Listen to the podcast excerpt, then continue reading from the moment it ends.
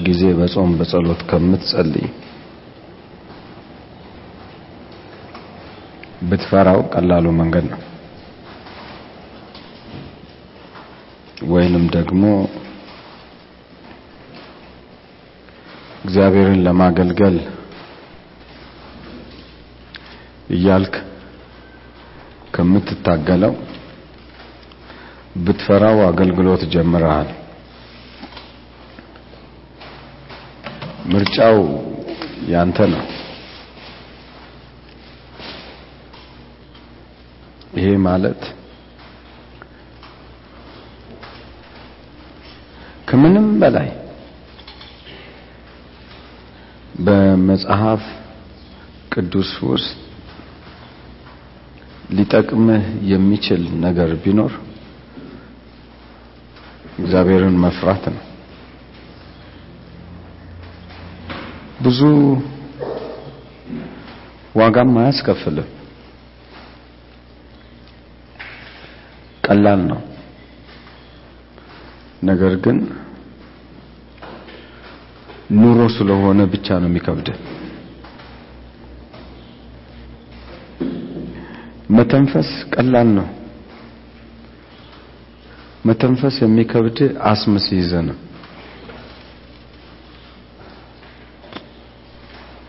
ስለዚህ ሌላ ክፉ የሆነ አስተሳሰብ ሜቶዶች እንደ አስም ገብተውብን በቀላሉ እግዚአብሔርን መፍራት ከጭንቅላታችን ወጣ እንጂ እግዚአብሔርን ብትፈራው ከልቤ ነግራችኋለሁ።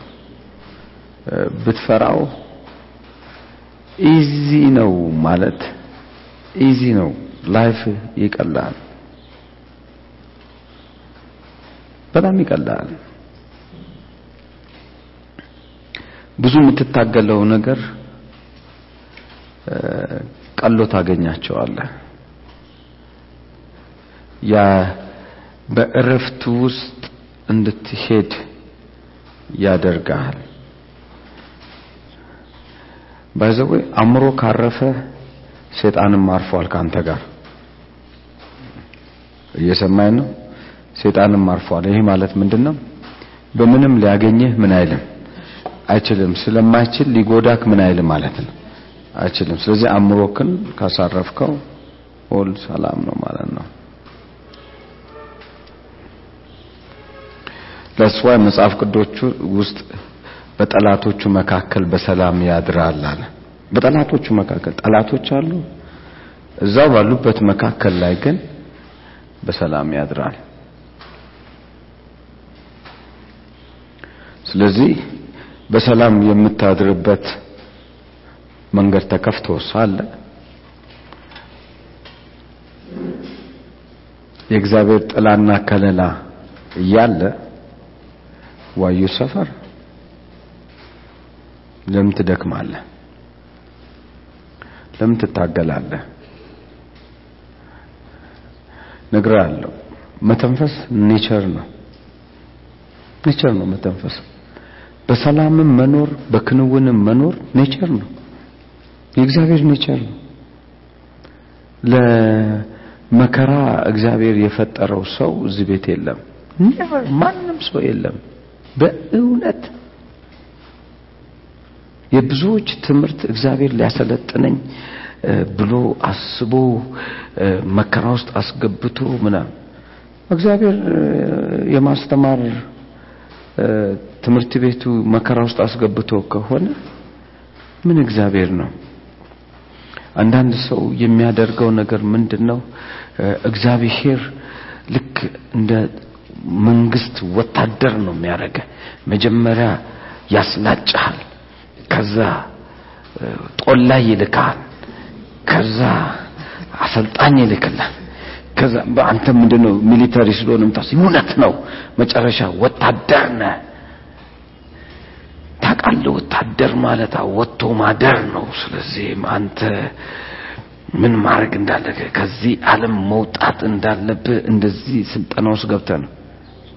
የት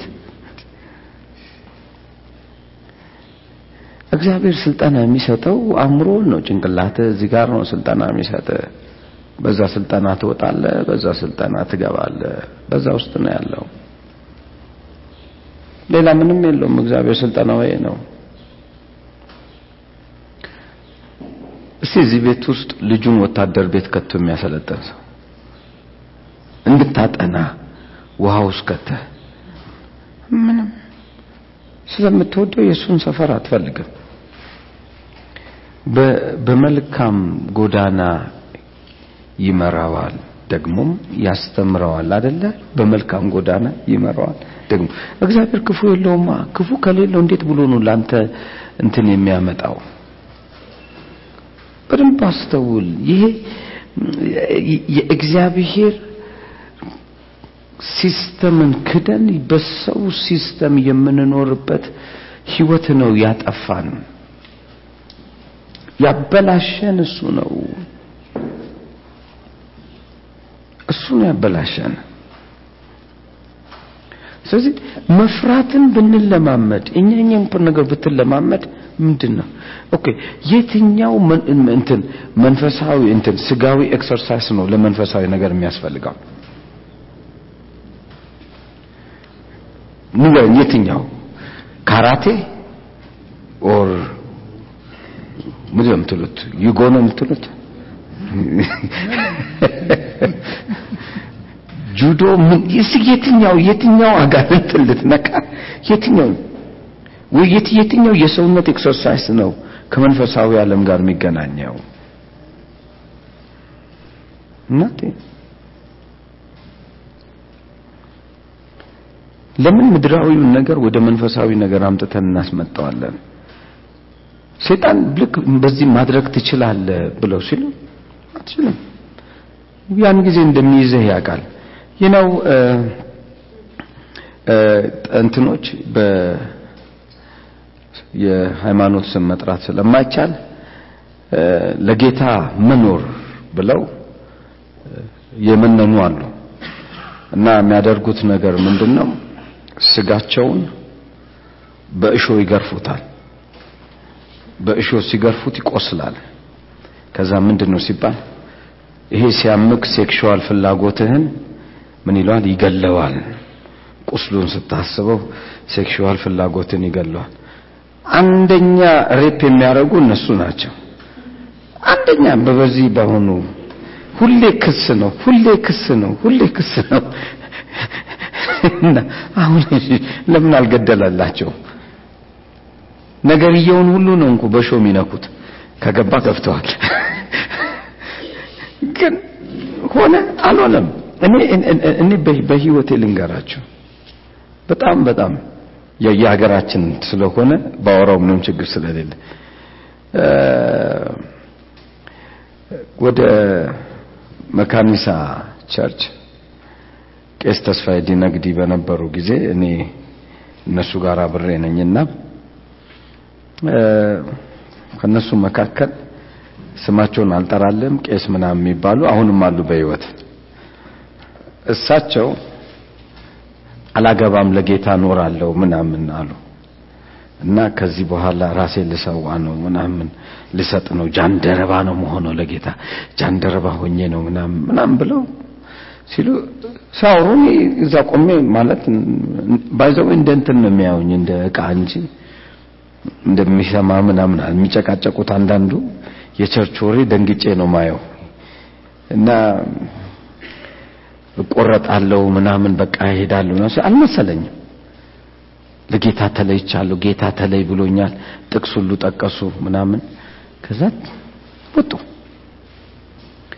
በስንተኛው ቀን ወሬው ጭምጭምታ አለ አይደል? ያው እዛው ቸርች አካባቢ ስለምትውል ጭምጭምታ ሰፍ እሳቸው እኮ ጃንደረባ ሆኑ እሳቸው ጃንደረባ ሆኑ ከዛ እንደዚሁ አጋጣሚ እሳቸው ሻይ ላቀርብ መጥቼ በቃ እሳቸው ጋር አቅርቤ ደግሞ ቆሜ እንደዚህ ሲሰማ ቄስ እኔ አልቻልኩም እንደውም ባሰብኛል በቃ ባሰብኝ ማስበው ሁሉ እሱ ሆነ። እኔ በህይወት ያየሁትን ነው የምነግርህ አሁን ለካ ያለው ጭንቅላትህ ውስጥ ነው። ነገር ያለው ጭንቅላትህ ውስጥ ነው። እግዚአብሔር ስልጠና የሚሰጥ ጭንቅላት ውስጥ ነው። ጭንቅላት ደግሞ ዊዝደም ነው አለ። ዊዝደም ደግሞ እግዚአብሔርን መፍራት ነው በጭንቅላት ውስጥ ማስተዋል ነው አለ። ማስተዋል ደግሞ እግዚአብሔርን መፍራት ነው አለ። እውቀት ነው አለ። እውቀት ደግሞ እግዚአብሔርን ምን ማለት ነው? መፍራት ነው። all in all እንግዲህ ያስቀመጠው ስትፈራው የጥበብህ ይከፈትልሃል፣ ማስተዋል ይከፈትልሃል፣ እንዲሁም ደግሞ እውቀት ይከፈትልሃል። እሲ ቾይስ አሁን የትኛውም ነገር ቾይስ ነው ቾይስ ነው። ስለዚህ በቾይስ ለምን አትጠቀምም? በመፍራት ለምን አትጠቀምም? ወደ ዛሬ ትምህርት የምንሄደው አንደኛ ሁለተኛ ሳሙኤል ምዕራፍ 23 ቁጥር 3 እና 4 በእግዚአብሔር ፍርሃት የሚሰለጥን ሰው የሚሆነውን ነው ያወራው። ሁለተኛ ሳሙኤል ምዕራፍ 23 ቁጥር 3 እና 4 የእስራኤል አምላክ ተናገረኝ፣ የእስራኤል ጠባቂም እንዲህ አለ። የእስራኤል አምላክ ተናገረኝ፣ የእስራኤል ጠባቂም እንዲህ አለኝ። በሰው ላይ በሰው ላይ በጽድቅ የሚሰለጥን በእግዚአብሔር ፍርሃት የሚነግስ አለ። በሰው ላይ በጽድቅ የሚሰለጥን በእግዚአብሔር ፍርሃት የሚነግስ። ይህ ማለት ምንድነው? ላይፍ ወደ ላይ ማደግ የምትፈልግ ከሆነ ወይም ውጤታማ ሰው መሆን የምትፈልግ ከሆነ እግዚአብሔርን ብትፈራ በሰው ፊት ላይ ሁሉ ትሰለጥናለህ። ድጋሚ ነው ትሰለጥናለህ ማለት ነው። ከፍ ብለህ ትታያለህ። እዚህ ቤት ውስጥ ከፍታን የሚጠላ ሰው አለ? አትዋሽ፣ አጠላም። ማንም እዚህ ቤት ውስጥ ከፍታ የሚጠላ የለም። የምትሟሟተው ለከፍታ? በነገር ሁሉ ከፍ ብለህ ለመታየት አይደል? በመሆን ደስ ይልሃል። ኔቸርክ ነው። የእግዚአብሔር nature ነው ከፍታ። እግዚአብሔርም ከፍ አደርግሃለሁ ያለው nature ኡ ስለሆነ ነው። ያንተ ውስጥ ያለ nature ነው። ማን ባለስልጣን መሆን ይጠላል? nobody። በማን ላይ ነው ባለስልጣን የምትሆነው? በሰው ላይ መቼም በዝንጀሮ ላይ አትሆን። ሆሪ መገዛት መግዛት ነው የሚፈልገው። okay ለምን ይመስላችኋል ባል ሁል ጊዜ በሚስት ላይ አንበሳ የሚሆነው? alright okay እናንተ አትሆኑ እናንተ አይሆንባችሁ ባል ሁል ጊዜ አንበሳ መሆን ነው የሚፈልገው። ሌላ ሰው አህያ ቢለውና ሚስቱ አህያ ብትለው ካልገደልኳት ሞቼ እገኛለሁ። ሌላ ሰው አህያ የለ የለ እንዴ ይበሉ እነሱስ። እሷ ግን በእሷ ላይ ምን መሆን ይፈልጋል? መሰልጠን ይፈልጋል። ከፍ ማለት ማለት ለምን ብትለኝ በቃ this is nature ወንድ የመጨረሻና የመጀመሪያው ችግሩ አንድ ነው። ክብሩ እንዲነካበት አይፈልግም። በቃ ሌላ ምንም ከሴት ልጅ በእውነት ልንገር ቡሌ ነው። ወንድ ልጅ እንደ ከብት ነው፣ ማብላት ነው። የሰነፎች ወሬ ነው። በእውነት ነው የምነግራችሁ፣ የሰነፎች ወሬ ነው። ከበላ ምንም ችግር ወንድ ልጅ ካከበራችሁት game is over። የሆነ ሽር ጉድ ምናምን ብትበቃ ልክ ስታከብ ጌሙ ያልቃል። ብታጠፉ እንኳን ጥፋቱ አይታየውም። ወይኔ በሰው ፊት የናቃችሁት ለት ከጂና ጋር ዙዙ ዙዙ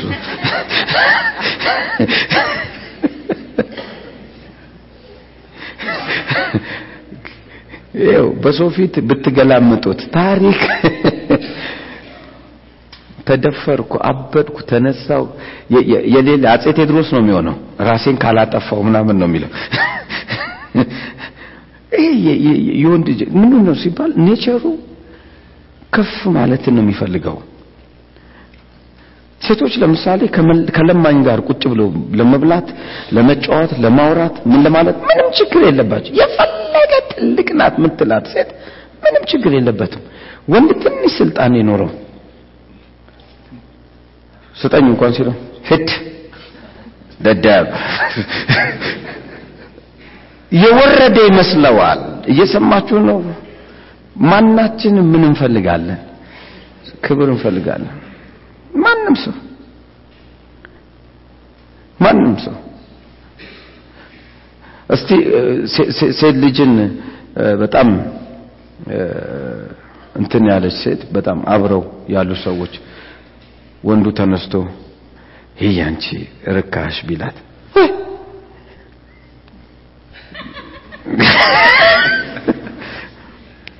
በህይወቷ የምጠላው ነገር ምን መሆንን ነው?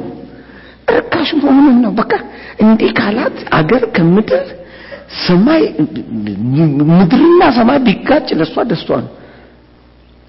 አለች ራሷን ርካሽ ነኝ ብላ ደምድማ ካልወጣች በስተቀር በደንብ ተመልከት። ወዲያው አይደለ እንዴ የት እንዳገኘኝ ታውቃለህ? ምናምን ማን እንደሆንክ ታውቃለህ? አስር ዓመት አትረሳለትም። መጥበሻው በጣም ይገላል እንጂ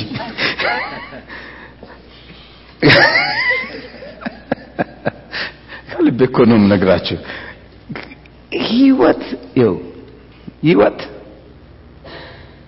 ማንም ሰው ክብርን ይፈልጋል። ከክብር ያለፈ ግን ንግስና ትፈልጋለህ ወይ ነው። እግዚአብሔርን መፍራቱ ያነግስሃል። ሰዎች በመልካም ያነግሱሃል። ሰዎች በበጎ ያነግሱሃል። በከፍታ በሄድክበት ቦታ ላይ ተቀባይነት ይኖርሃል። ሞገስ ከፊት ይወጣል ማለት ማለት አብዛኛው እዚህ ቤት ውስጥ ማን ሞገስ የማይፈልጋል? የሞገስ ችግር አይደል እንዴ ፍዳችንን የሚያሳየን? ከልቤ እኮ ነው የምነግርህ። even እንኳን እግዚአብሔርን ለማገልገል በፊቴ ምን አግኝተሃልና ሞገስ አግኝተሃልና ተመልከት። እያንዳንዱ ኃያል ነው የተባሉ ሰዎችን መጽሐፍ ቅዱስ አጥና። እግዚአብሔር በፊቱ ምን ሰጥቷቸዋል? ሞገስ። በፊቱ ሞገስ። ስለዚህ የሚያስፈልግ ነገር ምንድን ነው ማለት ነው? ሞገስ። እያንዳንዳቸው ደግሞ በፊቱ ሞገስ ያገኙ ደግሞ በሙሉ እግዚአብሔር ምን የሚሉ ናቸው? የሚፈሩ የሞገስ ማግኛው መንገድ መፍራት ከሆነ ጌታ ሆይ ሞገስን ስጠኝ ብላል ብላል። አዎ ብያለሁ። እና ሞገስ ስጠኛ ፍራኝ። እሱንማ ፈራሃለሁ። እንዴት ነው የምትፈራኝ? እኔማ ፈራሃለሁ። በቃ አንተ ትልቅ ነህ፣ አንበሳ ነህ። ፊትህ እንደ ነው። በዚህኛው ጎን ደግሞ እንደ ሰው ነው። በዛኛው ጎን እንደዚህ ኪሩቤሎች እንኳን ፈርተው እነኚህ ኪሩቤሎች እንኳን ፊታቸው አራት ፊት የሆነ እነሱ እንኳን ያስፈራል። አንተማ እንዴት በግርማ የተፈራ እግዚአብሔር አንተን ቋንቋ ሴቶም እንዲህ ይለው ነበር። አልገባም ፈረንሳይ ሴቶም እንደዚህ ይለው ነበር። ምንም ችግር የለበትም። ሴጣን እግዚአብሔር ምንድን ነው በልዑል የተመሰለ ነው፣ ሁሉም በሚችል አይደል ያለው። ሴጣን እኮ ነው ያለው። እግዚአብሔር በድምፅ አይሞቀውም። ወይም ደግሞ በምትናገረው ነገር ወይኔ አለልኝ የኔ ልጅ ምናምን አይልም። እግዚአብሔር እንደምትፈራው የሚያውቀው ነገር ምንድነው ሲሆን ወንድምህን እህትህን ሳታማ ስትቀር ሽንገላ ስታቆም። በደም ስማ በቃ ስታቆም። እሱ simple። መልካም ስታስብ ክፉ ነገር ፈጽመ በጭንቅላት ሳታስገባ ስቀር። ሁሌ ክፉ ነገር ሲመጣ hold ስታደርግ ክፉ ነገር ሲመጣ hold somebody ክፉ ሲሰራ ቆይ ይሰራለታለሁ መልሰ ሳትል ምትለው ነገር ትቼዋለሁ። ከልብህ ምህረት አድርጌያለሁ። መልካምን ሲሻ ሲሰድብክ አዎ ሰደባው የትምህርት እጥረት ነው። የእውቀት እጥረት በጣም ነው ያለበት ምናምን ብለክ በር ለራስህ ነው። ለሰውየውም አይደለም ነግሬሃለሁ። እኔ እንደማደርገው ማለት ነው። በቃ የእውቀት እጥረት አለበትና በቃ እንደ ቁንጣ አጥሮታል የሰውዬ ምናምን ብዬ በልቤ በቃ ጨርሼ በዛ ሂሳብ ስለማየው ምንም ቢያወራ ቁንጣ ነው። ከገባ ገብቷል። ስለዚህ በቃ አለቀ አእምሮን ህሊናህን አሰራው። በመልካም ማሰብን። ሕፃን ልጅ የአራት ዓመት ልጅ ተነስቶ አትረቢኝ ብል። አትረቢኝ አለኝ እያልክ አንተ የምትመልስ ከሆነ ማን ነው ከሁለታችሁ ሕፃን አንተ ልጁ አትረቢኝ ምን ምን ትርጓሜው ምን አይለውም? አቆም ስለዚህ ስለማያውቀው ነው ያለው። አለማወቁን ስለምትገነዘብ ምንም አትቆጥርበትም። በደንብ ተመልከተው። የሚቀጥለውን ቨርሲ። እርሱ እንደ ማለዳ ብርሃን እንደ ፀሐይ አወጣጥ በጠዋትም ያለ ደመና እንደ እንደሚደምቅም ከዝናብ በኋላ ከምድር እንደሚበቅል ልምላሜ ይሆናል። ማን? እግዚአብሔርን የሚፈራ ሰው። ሞገስ የምታገኝ ከሆነ ልምላሜ የምታገኝ ከሆነ? it's your choice ምርጫክ ነው። ምርጫክ። መምረጥ የራስ ድርሻ ነው።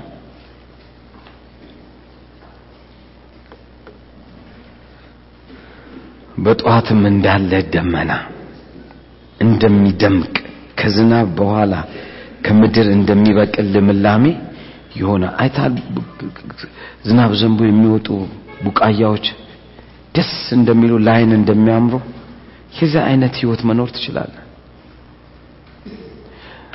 ማን እዚህ ቤቱ ስኬት ይጠላል? ኖበዲ። ለስኬት ግን ጠላታ አንተው ራስህ ሌላ ማንም። ማን የለመለመ ህይወት ይጠላል? nobody ማን ከሰው ጋር በሰላም መኖር አለመኖርን ይፈልጋል? nobody ነገር ግን እንዳትኖር ግን ያንተው ጭንቅላት ነው እንጂ አሁን የሰው ውስጥ የለም። ሰው ሁሉ አይረባም። አዎ አይረባም። እና አንድ የምትረባ ተገኝ ነው ያለው። በቃ አለቀ። እግዚአብሔር ሰው ሁሉ አይረባም ስትለው ይረባሉ ምናም ብሎ አያውቅም። አዎ አይረባም። ግን አንተስ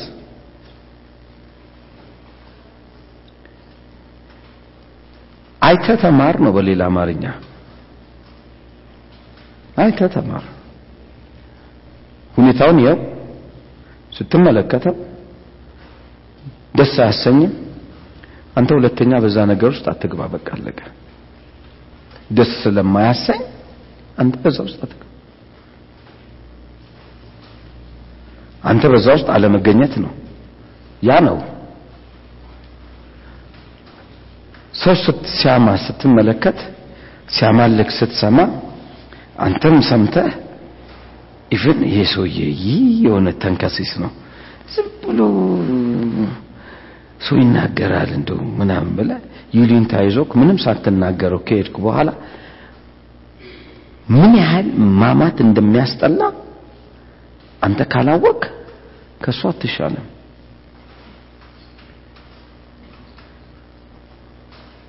እግዚአብሔር የፈለገው ማንኛውም ክፉ ነገር ብታይ ምሰሶ አንተ ጋር አለ ነው ጨዋታው። ጉድፍ ብታይ ምሰሶ አንተ ጋር አለ ማንም ሰው እየተጠራው ብዬ ነው ያቆንኩላችሁ የራሱን ሸክም ምን ይበል? ይሸከም። ከዚህ ውጭ የለም። የራሱን ሸክም እንዲሸከም ነው የተጠራው የራስን ሸክም መሸከም የምትችለው አንተ ብቻ ነህ።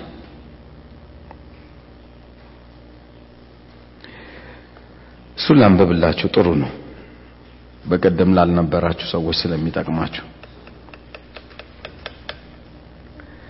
ኤፌሶን ምዕራፍ ስድስት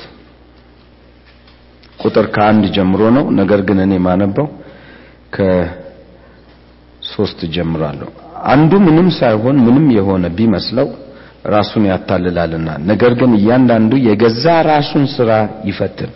ከዚያም በኋላ ስለ ሌላው ሰው ያልሆነ በኢየሱስ የምትፈትነው የገዛ ራስን ስራ ነው። ከዛ በኋላ የሚቀጥለው ወርድ መቼም ማወዳደር ስትባል ከሌላ ነበረ። እግዚአብሔር ምን አለ? የገዛ ራሱን ስራ ምን ይበል? ይፈትን። ከዛስ በኋላ አለ ስለ ራሱ።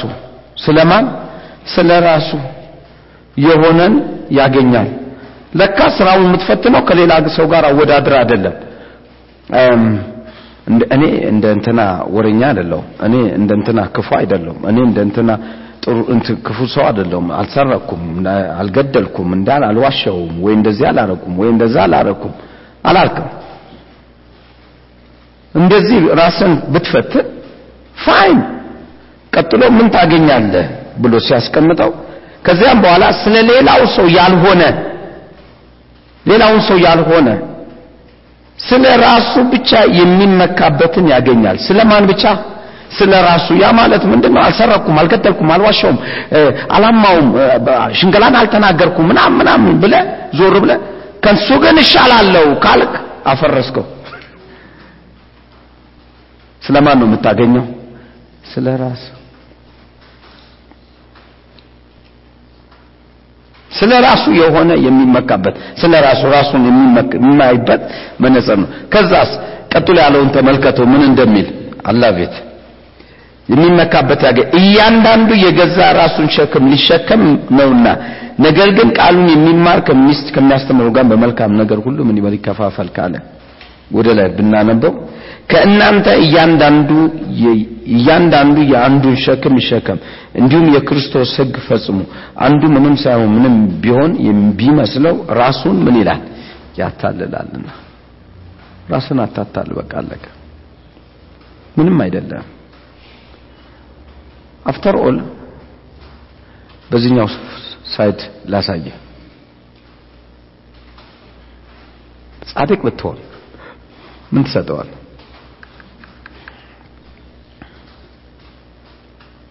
ክፉ ብትሆን ምን ትጎዳዋለህ? ኃጢአትን እንደ ውሃ ብትጨልጥ የኃጢአት ጥግ ቢነካ ምን ታጎልበታል? ምን ከእጅስ ይቀበላል? የመጨረሻ ጀት ሆነክ ደግሞ ለጌታ ነው ምኖረው ምናምን ብለህ ገዳም ውስጥ ገብተህ በየድንጋይ ስሩ አይጥ እየገደልክ ብትበላ ከዛ በኋላ ምኖረው ለሱ ነው ከዚህ በኋላ ብለህ ኑሮውን በሙሉ መንኛለሁ ብለህ ብትገባ ከእጅ ምን ይቀበላል? እንደ ጉድ ብለህ አስበሃል? አትሁን ጨቡዴም ሁን ምንም ምንም የምትሰጠው ነገር ከሌለ ምንድን ነው የምታስበው? ምንድን ነው ደግሞ የምትቀበለው?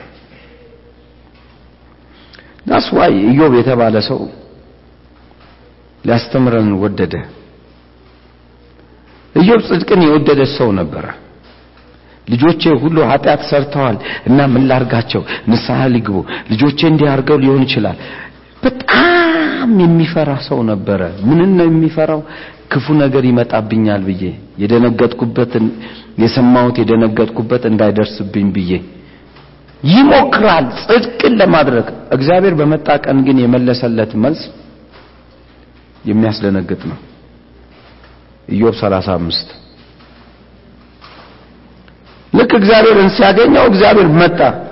ያ አፉን የሚከፍተው ሰውዬ ኢሚዲየትሊ ምን እንደሆነ መጽሐፍ ቅዱስ እንደ ኢዮብ እግዚአብሔርን የተናገረ ሰው ባይዘው የመጽሐፍ ቅዱስ ላይ ማንም የለም።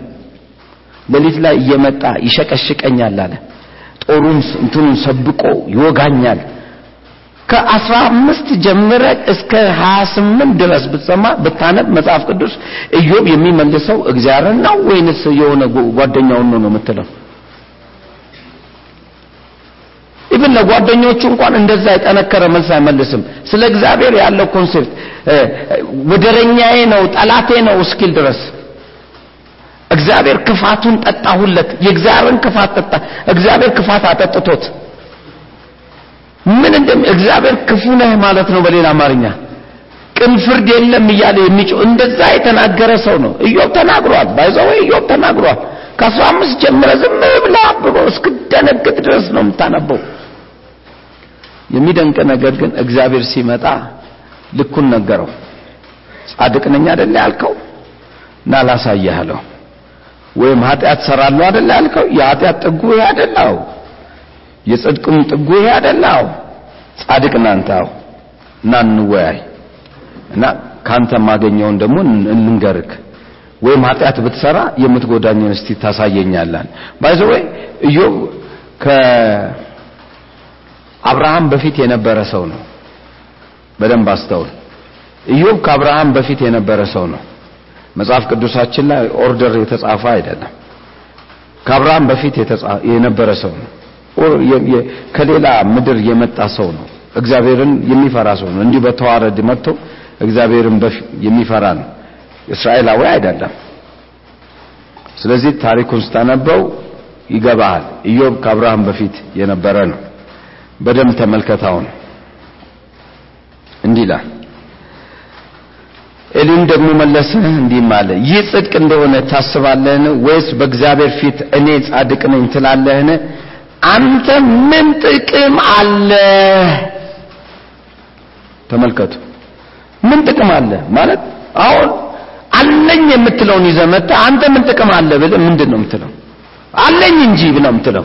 አሳያለሁ ያለውን ጥቅም ብሎ ነገረው ኃጢአት ሰርቼ ከማገኘው ይልቅ ኃጢአት ባልሰራ ኖሮ ምን እጠቀማለሁ ብለህ ጠይቀሃልና ኃጢአት ብሰራ ባልሰራ። አሁን እሱ ምን ኃጢአት ሰርቼ አላውቅም። okay ኃጢአት ሰርታ አታውቅም። አዎ ለኃጢአት ንስሐ ገብተሃል። አዎ okay።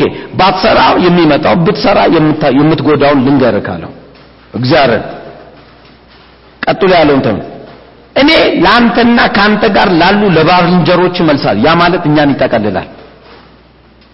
ለኔም አማኝነን ለምንል ሰዎች በሙሉ ይጠቀልለናል። ቀጥሎ ያለውን አይኖችን ወደ ሰማይ አቅንተ እይ ከአንተም ከፍ ከፍ ያሉትን ደመናት ተመልከት። ኃጢአት ብትሰራ ምን ትጎዳዋለህ? ገደለክ። ብዙዎቻችን ትምክታችን የራሳችን ጽድቅ አይደለ? አስር ቀን ጾም ጸሎት ከገባ በኋላ ስትወጣ የምትለው ነገር? ቅዱስ ይባላል። ጌታ ከኛ ጋር ነው እዛ church ውስጥ እንትን ጾም ላይ ያለው ተናግሮኛል። ካንተ ጋር ነኝ ብሎኛል። ድሮ ከኔ ጋር አልነበረም አላለም። ሞራልክ መጥቶ ነው። የጾምክ ጊዜ ሁሉ ነገር የሚሰማክ ይመስልሃል። ምክንያቱም ስትጾም እግዚአብሔር በጣም የቀረበ ይመስላል። ርቆም አያውቅም። ባትጾምም ይሄው አብሮክ ነው ብትጾምም ይሄው አብሮክ ነው።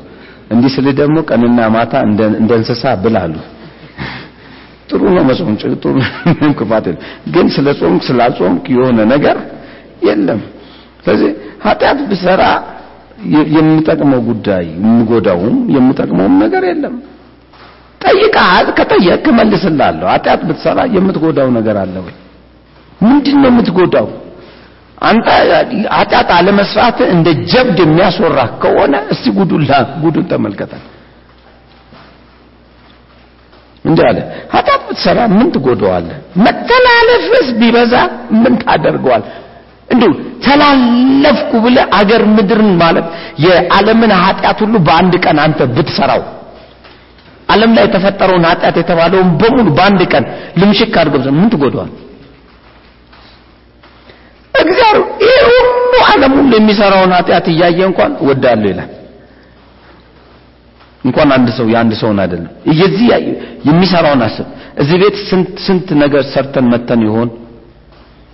ግን የሚደንቀው ነገር እዚህ ቤት ውስጥ የሁላችንም ፍቅር አለው የለውም? አለው። የሁላችንም አባትነት አለው የለውም? ስንቶቻችን ደግሞ በቃ ማታ ላይ ወጋው ነቀልኩ ምናምን ብለን በቃ ቤታዊ ስሜታችን አጋግለን ምናምን መተናል። ገብቷቸዋል ሁላችንም እንደዚህ እንደዚህ ያንንም ወዳለው ነው ይሄኛው ምን እላለሁ ወዳለሁ። እንደውም በጠፍ ይላቸዋል በደከመ ብልት የበለጠ ምን ይሰጠዋል? ክብርን እኔ በኢየሱስም ይሄ እግዚአብሔር የሚባል አንድ ቀን በሆነ ቦታ ላይ አንፌር የሆነ እግዚአብሔር ነው አልኩ። በቃ ምን ነው ሲል እንደው እግዚአብሔር ያሳያል አንፌር ነው።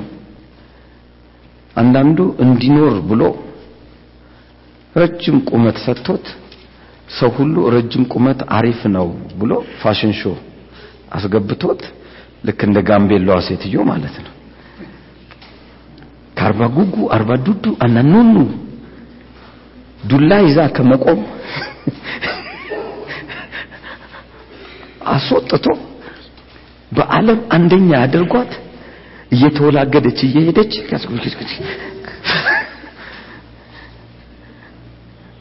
አንዷ ደግሞ ጠዋት ተነስታ ፊቷን በምናምን ተሸፋፍና አስፋልት እየጠረገች የተቀጠሩት በሙሉ እዚህ ምድር ላይ ሴቶቹ አስፋልት የሚጠርጉት የአንድ አመት ደሞዛቸው በሙሉ ተሰብስቦ የእሷ የአንድ ትሪፕ አይሆንም። አሁን ይሄ ፌር ነው? ዙና ጋዚ ዛማራባ አንፌር ነው ዓለም። ከልቤ ነው የምልህ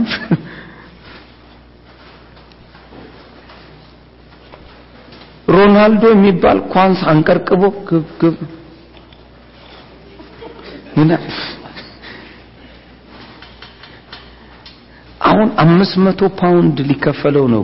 አምስት መቶ ሺህ ሊከፈለው ነው በሳምንት ውል እየተዋዋለ ነው እንትን ለማለት አምስት መቶ ሺህ። ወይኔ በጌታ!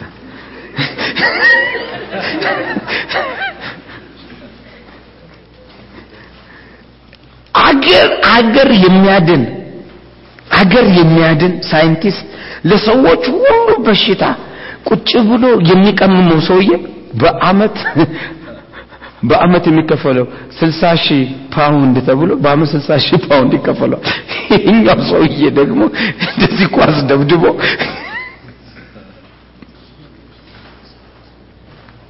unfair ነው ይሄ ምድር brother። አንተ ነህ fair መሆን አለበት። በቃ አንፌር ነው። ሰማዩም ይሄው ነው የፈረደው፣ ምድሩም ይሄው ነው የፈረደው።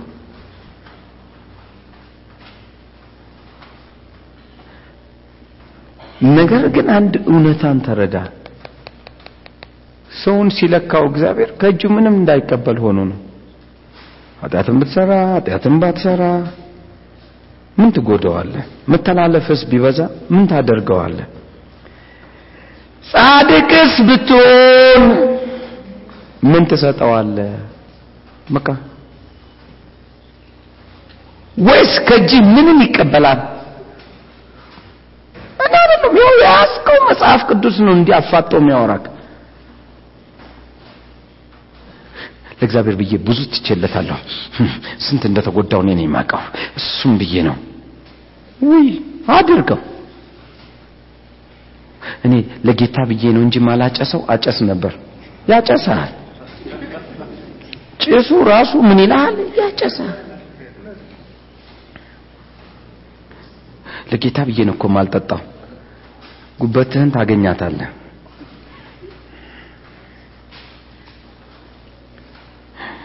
ለጌታ ብዬ ነው ማልዋሸው። እኔ ለጌታ ብዬ ነው ማልዋሸው። ዋሽ ቦክስ ትጣጣለህ።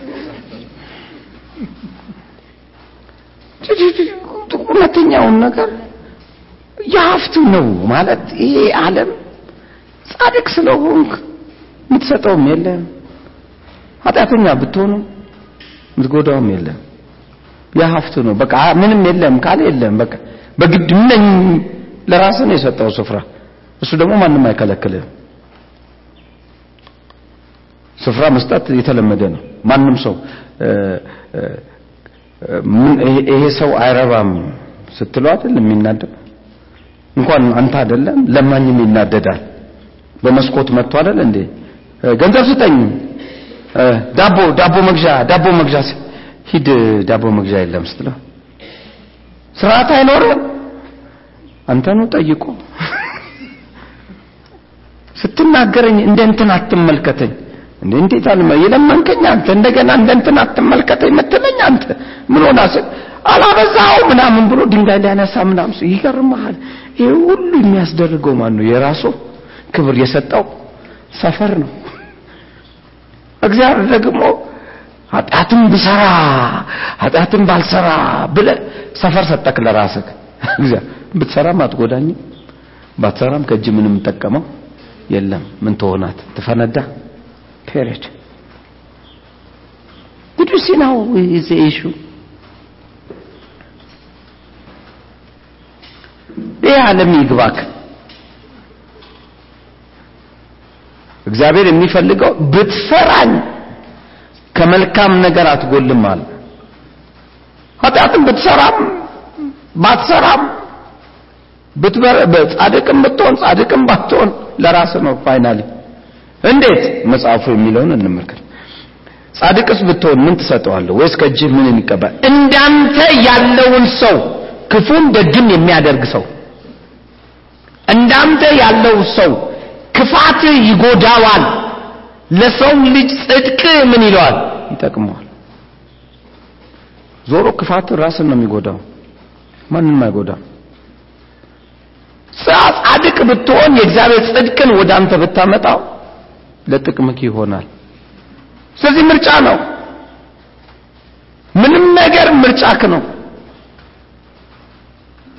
ለመሄድ ትፈልጋለህ? ለመነሳት ትፈልጋለህ? ቀርቦልሃል አሁን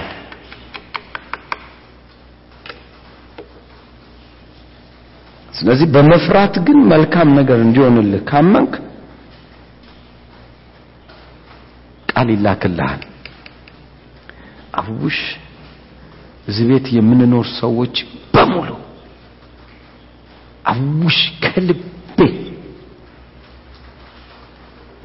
ብንፈራ እግዚአብሔር ያለውን ሀብት ሁሉ ይሰጣል። ያለው ሀብት ደግሞ ምንድን ነው? ቃል ብቻ ነው። ያለውን ሀብት ሁሉ እግዚአብሔር ምን ያህል ሀብት አለው ብትለኝ ቃል ነው ያለው። ቃሉ ሁለት አፍ ካለው ሰይፍ ይልቅ ምን ያለ ነው? የተሳለ ነው። ስለዚህ ያንን ሀብት አሳልፎ ይሰጣል። የእግዚአብሔር የመጨረሻው መውደድ ምን ጋር እንደሆነ ታውቃላችሁ? እንዲህ አለ ዮሐንስ ወንጌል ምዕራፍ 15 ላይ በእኔ ቁጥር 7 በእኔ ብትኖሩ ቃሎቼም በእናንተ ዘንድ ቢኖሩ። See? በእኔ ብትኖሩ ቃሎቼም ደግሞ በእናንተ ዘንድ ቢኖሩ። የምትወዱትን ሁሉ you believe የምትወዱትን ሁሉ ጠይቁ። ይሰጣችኋል ወይም ይሆንላችኋል። ምን አይነት ቃል ነው ነው ጥያቄው? አሁን ቃሉን ነው ከሆነ ሁሉ ሰው ጠንቋዩም ቃሉን መናገር ይችላል። ለሱም ይሆንለታል ነው። ቢኖር ነው ያለው። ቢኖር ማለቱ ምን ማለቱ ነው? ቃሉ ህይወት የሆነለት ሰው ቃሉ የመጣለት ሰው ተመልከቱ ቃሉ የመጣለት ዮሴፍም ራእይ አለው? አዎ አለው። ዮሴፍ ራእይ አለው? በደንብ አለው። ዮሴፍ ከእግዚአብሔር ዘንድ ነው? አዎ ከእግዚአብሔር ዘንድ ነው። የሚደንቅ ዮሴፍ ግን እስር ቤት ውስጥ ገብቶ even እግዚአብሔር እየተጠቀመበት ዮሴፍ ዮሴፍም ከእግዚአብሔር ጋር ነበር እግዚአብሔርም ከዮሴፍ ጋር ነበረ ተብሎ የተጻፈ እንደዛ ሆኖ እየኖረ እያለ የሚደንቃችሁ ነገር የሆነውን ተመልከቱ። እስር ቤት ገብቶ መጽሐፍ ጸሐፊው ሲጽፍ ምን አለ? ዮሴፍም ቃል እስኪመጣለት ድረስ የእጅ ብረት ምን አለ? የእጅ ብረት ፈተነችው። የእጁ ብረት ማለት እስሩ ፈተነው። ለካ ቃል እስከሚመጣል ድረስ ነው። ቃል የሚመጣበት ደግሞ ለማን ነው ብትለኝ እግዚአብሔርን የሚፈራ ሰው everyday ቃል ይመጣለታል። everyday ለህይወቱ የሚሆን ምክንያቱም ከመልካም ነገር አይጎልማ። እግዚአብሔር ቃል ካመጣ ምን አለው ማለት ነው? መልካም ነገር አለው። ሐዋርያ ሥራ ምዕራፍ 13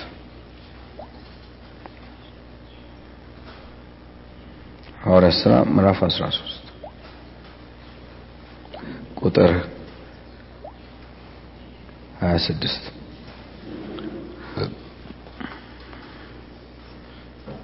እናንተ ወንድሞቻችን የአብርሃም ዘር ልጆች ከናንተ መካከልም እግዚአብሔርን የምትፈሩ ሆይ እግዚአብሔርን የምትፈሩ ሆይ ለእናንተ የዚህ የመዳን ቃል ተላከ። Now የዚህ የመዳን ቃል ተላከ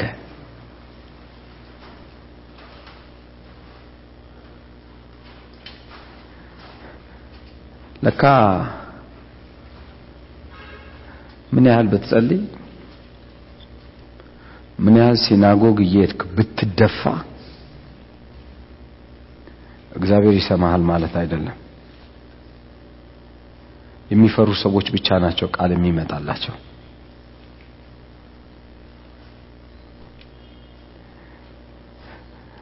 በጣም ጥያቄ ነበርኩ።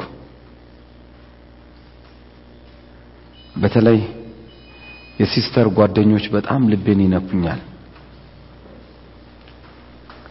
ልጅነታቸውን፣ ውበታቸውን ማለት የኔ ታላቅ እህቴ ማለት ነው። የእሷ ጓደኞች ከእሷም በእድሜ ይበልጣሉ።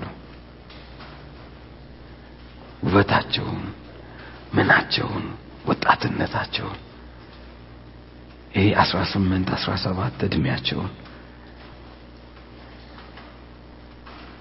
ይሄ አለኝ የሚሉት የማንነታቸው ጊዜ በየመንገዱ በየመንደሩ በየቸርቹ በየምኑ በቃ ላይፋቸውን እኔ ከዚህ ሀገር ሁሉ ወጥቼ የእነሱን ነው የምሰማው። ላይፋቸውን ሰጥተዋል እና አንደኛው አበደች ሲሉ ልቤ ስብር ይላል። አንደኛው እንዲህ ሆነች፣ አንደኛው እንደዛ ሆነች፣ አንደኛው እንደዚህ ሆነች ምናምን ሲሉ አንዳቸው በሰላም ሳይሆኑ ሲቀር group አቸው በሙሉ እንዳልነበሩ ሲሆኑ it's painful።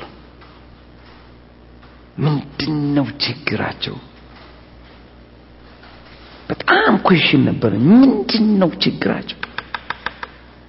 አይኑ ቅንን አይኑ ለእግዚአብሔር ልባቸውን አይኑ ማንነታቸውን እና ኩዌሽን ያደርገኛል። እንዴ በር ዘግተው ቁልፍ እኮ በቀዳዳ የሚወረውሩ ናቸው። ወደ ደጅ ይውጣ ብለው ከዛስ በር ዘግተው በቃ ቁልፉን ሕፃን ልጁን ውሰድና ሽንት ቤት ክተተው እኛ ከእግዚአብሔር ጋር እንሆናለን ብለው የሚያለቅሱ ናቸው። ልጅነታቸው በሙሉ ሁለት ወር ሶስት ወር አይወጡም። ውሃ በእንትን እየተቀዳ በዛ በእንትን እየተላለፈላቸው ደረቅ ሆኖ ኮሾኮር ሆነው ነው የሚወጡት።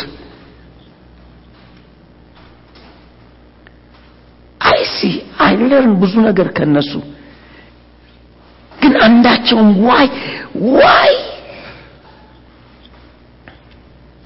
why እግዚአብሔር ጨካኝ ነው አይደለም።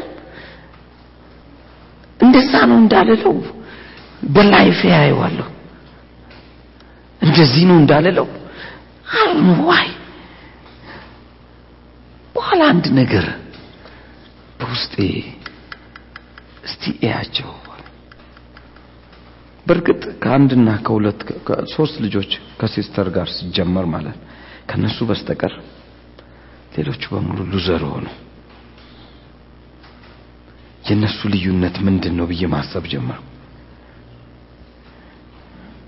ስለ ሰው ማውራት አይፈልጉም። ከ sister ጋር አሁን በታምር አታወራም። እንትና የሚባል ስትል ምንም እንዳትነግረኝ፣ እኔ ምንም አልፈልግም፣ እኔ ምንም እኔ እኔ እኔ በቃ በልጆቼ ላይ አታምጣብኝ። ሁሌ ጭንቅላቷ ምን ውስጥ ነው ያለው? አሁን ተቀይሮ ድሮ በራሷ ህይወት ነበር፣ አሁን በልምኖ ላይ ነው፣ በልጆቹ ላይ ነው። ስለዚህ በቃ ምንም እኔ በረከት ነው ለልጅ ልጆቼ በረከት ነው ፈልገው ኖ ይሄ ሰውዬ እንደዚህ ሊልሽ ፈልገው ነው። ቀጥል። even አንድ ደቂቃ እንኳን መስማት አትፈልግም። አሁን ትመጣለች እና ታገኛታለህ። ምን መስማት አትፈልግም። እነኛ ልጆች ግን ከእሷ ጋር የነበሩት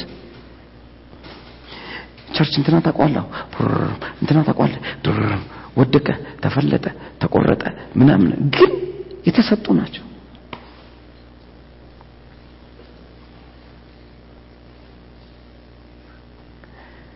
ለማጥናት ብለው World Vision ሄደው ክርስቲያኖች ሆነው እንዲህ ነው ብለው በቃ ሰዎቹ ላይ ጽፈው ለመንግስት ሁሉ ሰጥተዋል።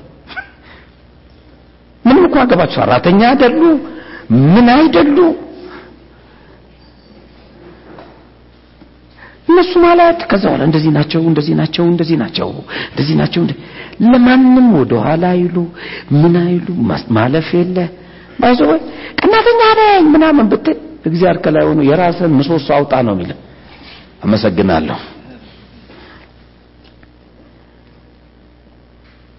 ችግሩ ያንተ ምሰሶ እንጂ የሰዎቹ ጉድፍ አይደለም። ዛሬ በተለይ አንዷን አግኝቻት ከዛ ሁለተኛ አላይም ብዬ በቃ ወሰንኩ። እምባዬን ማቆም አቃተኝ። ኸር ምን አይነት ልጅ እንደሆነች እምባዬን ማቆም never። why? why happen?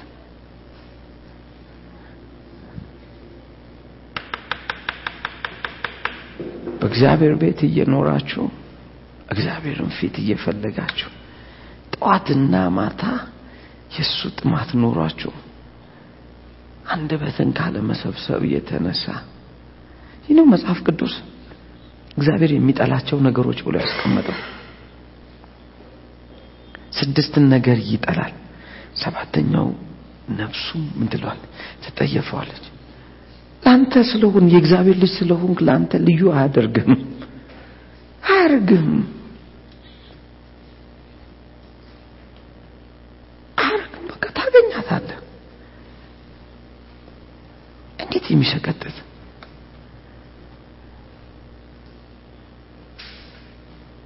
when to come to church በጣም የሚደንቅ ነገር ደፋር ህዝብ ነው። ፓስተራቸውን ለማማት አገልጋዮቻቸውን ለማማት ኑሯቸውን ለማማት አካሄዳቸውን ለማማት ኦሊኖል ደፋር የሆነ ሶሳይቲ ነው። ምእመን ጋር እርስ በራስ ለማማት ምንም ነገር በበጎ ነገር አለመቀበል ለምን እንዲህ ሆነ? ለምን? ሴጣን only ሊያጠቃ የሚችለው እሱም ብቻ እንደሆነ ያውቃል። አሁን ጽድቅህን አይኮንነውም። ጽድቅ ማለት እግዚአብሔር እንደ ብሉይ ኪዳን ጽድቅህን አይቆጥረውም የእንስሳት ደም የምን እያለ አይደለም አሁን ጽድቅ የእግዚአብሔር ነው። ስለዚህ በጽድቅ በኩል መጥቶ እግዚአብሔር ሊያገኝክ አይፈልግም። በክርስቶስ ወረዲ ሆነለታል እግዚአብሔር አሁን የሚፈልገው አኗኗርን ነው። የፍርሃትን ጉዳይ ነው እግዚአብሔር አሁን የሚፈልገው።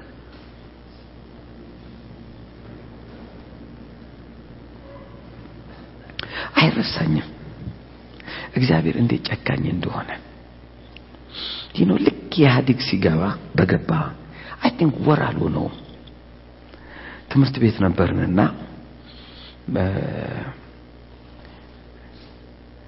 ወደ እንትን ሄድን።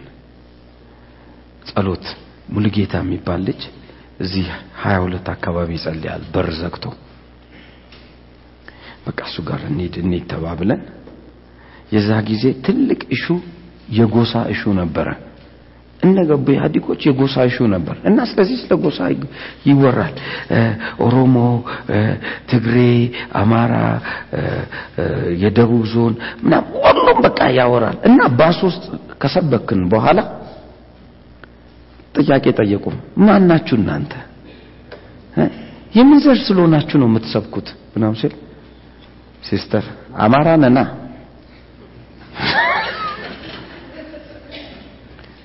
እና ብትሆንስ ሲል ተጀመረ። አንድ ሁለት እኛማ ስንት ጊዜ ገዛን? ኢትዮጵያን የገዛን ምናምን ጥርስሽን ነው የምለው ሲላት ስርዓት ብታረግ ጥሩ ነው። እኔ ደግሞ sister ጋር ከመጣው አልችልም ይገባል።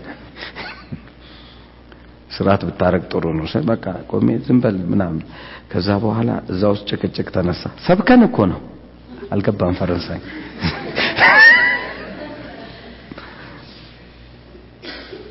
ከዛ ተጨቃጨቀን።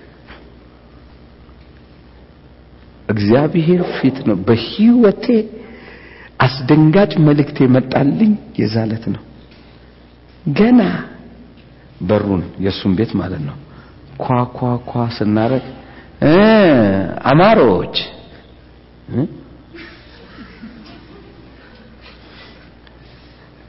አታምኑኝ ሙሌኛ ነን ምንድን ሰላም ነው ምናምን ስትል ገዢዎች። ረነሽና ልጁ ከዛ ሳይወጣ አስራ ምናምነኛ ቀኑ ነው በር ዘግቶ። አይወጣም። ጀመራ። የማንዘር ናችሁ? ከዘርና ከጎሳ እንትን ያልወጣችሁ እነማን ናችሁ? እኔ ለስንት ስፈልጋችሁ እናንተ በጎሳ መካከል እኔ ጠልቼው አልነበረ? የት ሆኖ መሰላችሁ የሚያወራ እሱ ቤት ውስጥ ሆኖ እኛ ከደጅ እንዴት ብለን እንግባ? እግራችን ተሳሰረ። ሌላ ቀን እንመጣለን።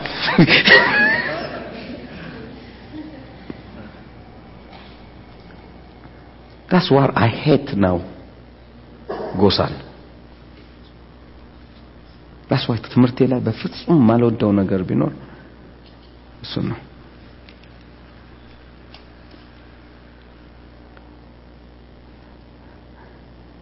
እግዚአብሔር በልጁ በኩል የሆንክ ስለሆንክ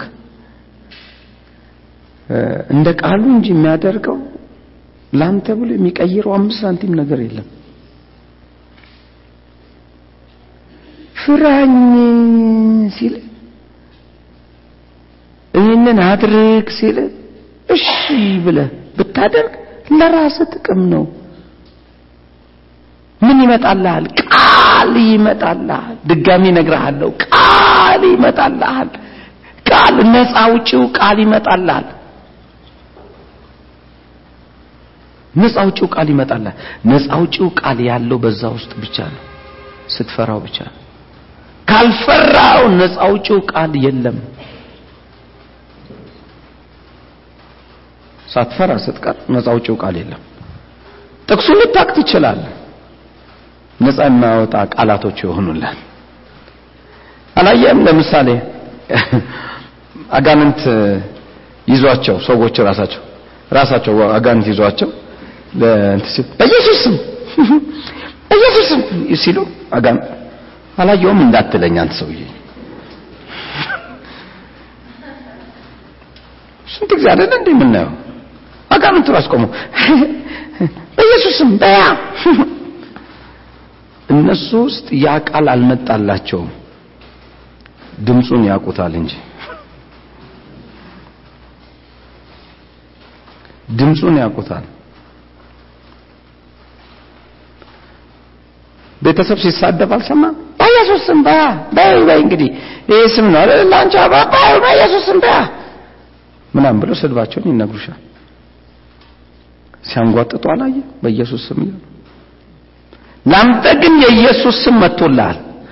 አንተ በኢየሱስ ስም ስትል ግን ክፉ ይለቃል። ማይለወጥ ይለወጣል። ልዩነቱ በእነሱ መካከል ቃል ስለሆነልህ ነው። ቃሉ መጥቶልሃል። ያ ማለት ለአንተ በርቶልሃል። የዛ ቃል ጉልበት ተገልጦልሃል። በደንብ አስተውል እግዚአብሔር የፈለገውም ይህንን ነው። እናንተ ወንድሞቻችን የአብርሃም ዘር ልጆች ከእናንተ መካከል እግዚአብሔርን የምትፈሩ ሆይ ከመካከላቸው እግዚአብሔርን የምትፈሩ ሆይ ለናንተ የዚህ የመዳን ቃል ምን አለ? ተላከ። በምንም ነገር መዳን ትፈልጋለህ አይደል? ቃል እንዲመጣልህ ብቻ ነው የሚፈልገው ቃል የሚመጣልህ ደግሞ በቃ ፍራኝ እሱ ሲምፕል እኮ። ግን ውሳኔን ይጠይቃል።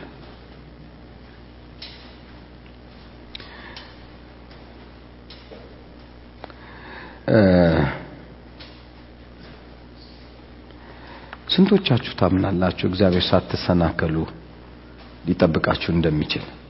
ሳትሰናከሉ።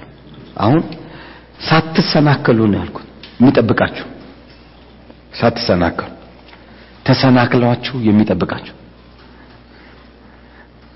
ለሁለታችሁም ትክክል ናቸው እንደ እምነታችሁ። ግን መጽሐፍ ቅዱስ ፕሮሚስ ገብቶላችኋል። ምን ሳትሉ? ሳትሰናክሉ። ይሁዳ የይሁዳ መጽሐፍ ቁጥር 24 እና 25 ሳትሰናከሉ ማለት ለምሳሌ ክፉ አለ። ክፉ ሳይጎዳችሁ መኖር ትችላላችሁ? አትችሉም። ትችላላችሁ።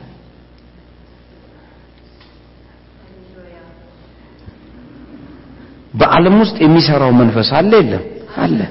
በእናንተ ላይ ግን ምንም ስልጣን የለው ግን በቃ የሚመጣውን እንትን ዓለም ላይ የሚሰራው እኛ ላይም እኮ ይሰራል። ሰው መሆኔን አዘንጋ ካልክ ያጠናግራል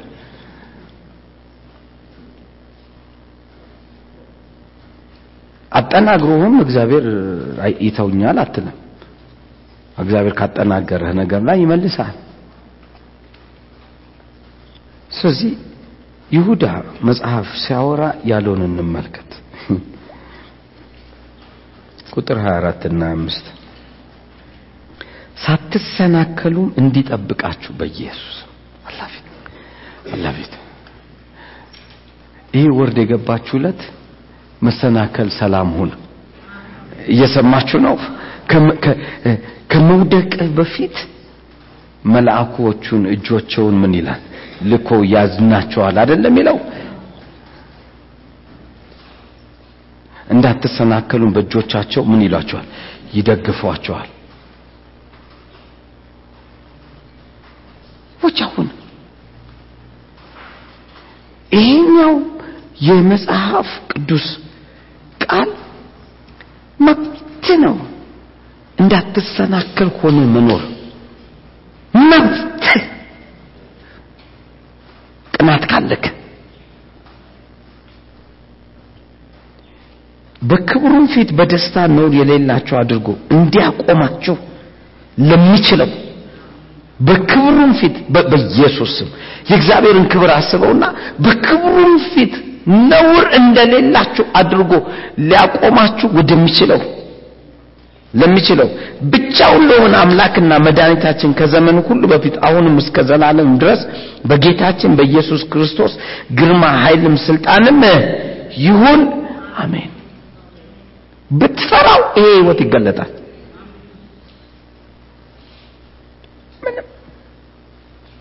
ወርቃማው ትእዛዝ ነው ወንድምን እንደ ራስ ምን ውደድ። ኦልሬዲማ እግዚአብሔርን ብለ በፍጹም ልብ በፍጹም ኃይል በፍጹም ምናምን ብለ ይኸው አለክ እኮ። ስራ ጠፍታችሁ አይደል? አንዳንዳችሁ የምትመጡ ብዙ ኃላፊዎች አይደላችሁ? የመስሪያ ቤት ኃላፊ ሆነ ጥጥታችሁ መታችሁ እዚያው የምትማር ሸውዳችሁ መታችሁ ተምራችሁ አይደል? ወጣችሁ። አንዳንዱ ንግዳችሁን ዘግታችሁ አይደል? እዚህ መታችሁ ቁጭ ብላችሁ የምትሄዱት ከምንም ይበልጣል ብላችሁ ይሄ እኮ የሚያሳየው መውደዳችሁን ነው። አንዳንዳችሁ ተስፋ አድርጋችሁ ይሄ ለውጥ ይሆናል ይሄ እንደዚህ ይሆናል ብላችሁ አምናችሁ አይደል?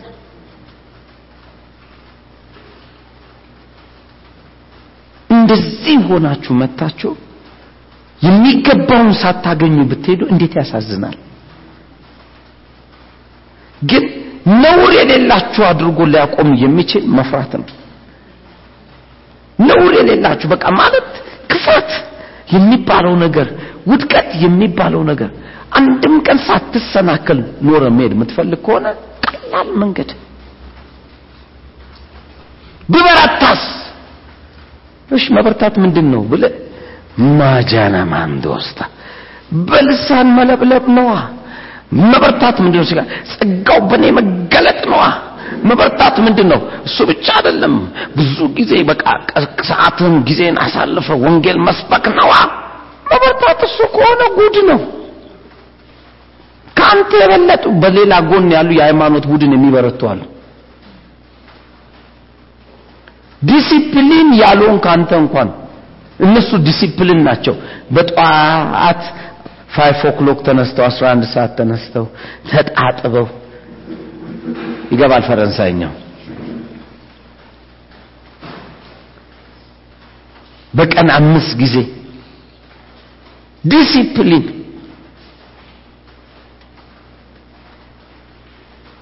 አንተ ዲሲፕሊን እንኳን የሌለነ። ዛሬ ከጸለይክ ለሶስት ወር ይበቃሃል። እንኳን ደህና መጣ። ጻድቅ ነኝ ብለህ የምትደነፋው አንተ ነህ። ዲሲፕሊን ያለው ግን ሌላ ቡድን ነው።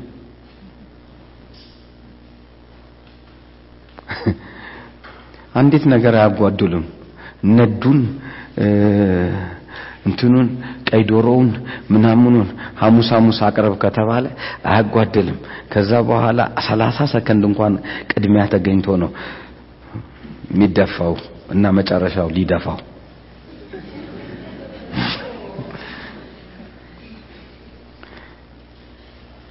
ነው የምልህ።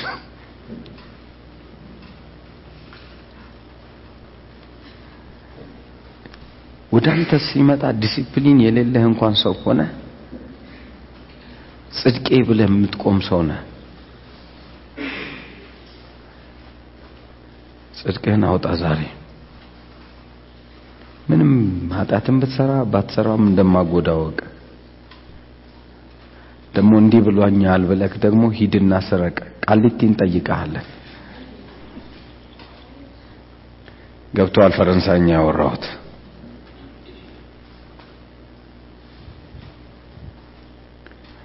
ነገር ግን የተሻለ ህይወት ከእግዚአብሔር ዘንድ እንደምታገኝ ብታውቅ ትፈራለህ።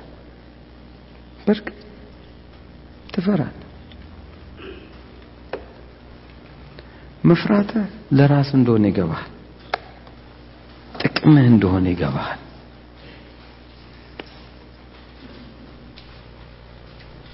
ክፉ ነገር አለማድረግ ከክፉ ጋር አለመተባበር ለራስ እንደሆነ ይገባሃል።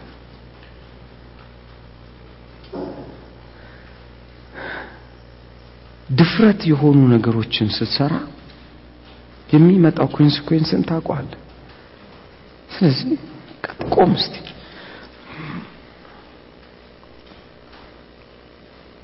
ምን ምን አገኛለሁ በል። ረብሻ ከሆኑ ሰዎች ጋር በረብሻ ምናምን እያልክ ከነሱ ጋር ስዘል ስጨፍር ምናምን ስታይ እስቲ ቆም በልና መካከላቸው ላይ ምንድን ነው ጥቅሜ? ምንድን ማገኘው? ፊልም ካላየው ፊልም ካላየው ፊልም ካላየው ፊልም ከሆነ ይወዳለሁ። ቃና፣ ዋና፣ ሳና፣ ጃና ምናምን በጣም አሪፉ አሁን ኤል ቲቪ መጥቷል። ኤል ቲቪ ማህበራዊ ገጽታ ያለው ማህበራዊ እስቲ እዛ ውስጥ ቁጭ በልና ቃናዬ ምን ትሰጠኛለህ ብትለው ተንኮል፣ ወሬ፣ ክፉ፣ ክፋት፣ እቺ ሴትዮ ክፉ ናት፣ እቺ ሴትዮ ኢትዮጵያዊ ሳይሆኑ አይቀሩም። እናቴ ቤት ሄጄ ነው ጉድ አታምኑኝም። ማዘር እንደዚህ ትነጀሳለች ብዬ በህይወቴ አይቻላቅም። አያገባኝም። አንተም ብትል ነገ አረጋለሁ። ለእናቴ ካልተመለስኩ ለአንተ እንደማልመለስ ወቃት። ለማንኛው ቁጭ ብላ ጠቅ አርጋ ይህን ሰውዬ ታውቂያለሽ? ከማን ጋር እንደምታወራ ታውቃላችሁ? ህጻናቶች ያው ሰብስባ እንደምታሳድግ ታውቃላችሁ። ከሰብስባ ለም ከነሱ ጋር እድሜያቸው እኮ አምስት አምስት ምናምን ከነሱ ጋር እንደዛ ብለሽ ነው ትላታለች። የአምስት ዓመቷ አዎ እንደሱ ነች።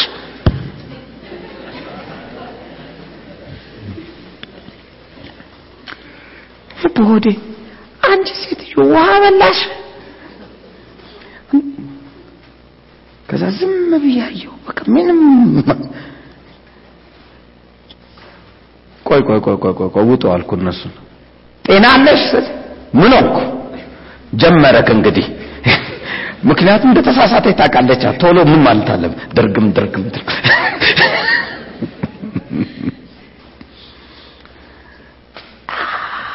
ከልቤ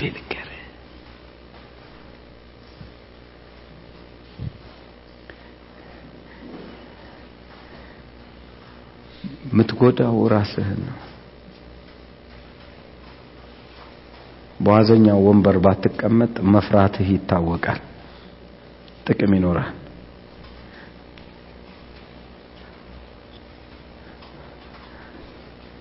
ለምን ይመስልሃል? ፊውቸርን ስለማስብ ብቻ ነው። ልክ ከዚህ ስለቀቅ ወደ ቤት ከዛ ቤት እቀመጣለሁ ከዛ ቁጭ ከዛ በኋላ የሆነ ነገር ሰማለሁ አይኔን ጨፍናለሁ፣ ትንሽ ተኛለሁ፣ እነሳለሁ። ከዛ ሩጬ ወደዚህ! life!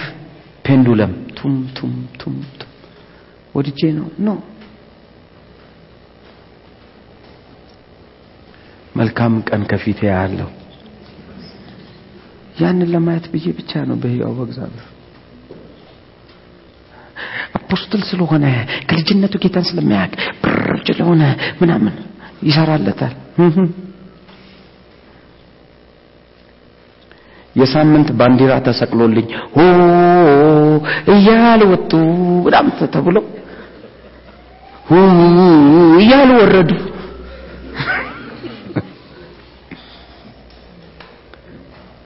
እንዲህ ከመሆን በፊት መልካምን ቀን ለማየት በእጅ ላይ ነው ያለው። ምርጫ አንተ ነው። እኔ ከእግዚአብሔር ወገን ነኝ፣ እግዚአብሔርም ከኔ ጋር ነው። አምላኬ ከኔ ጋር ስላለ በነገር ሁሉ መነሳት ሆነ። አሜን።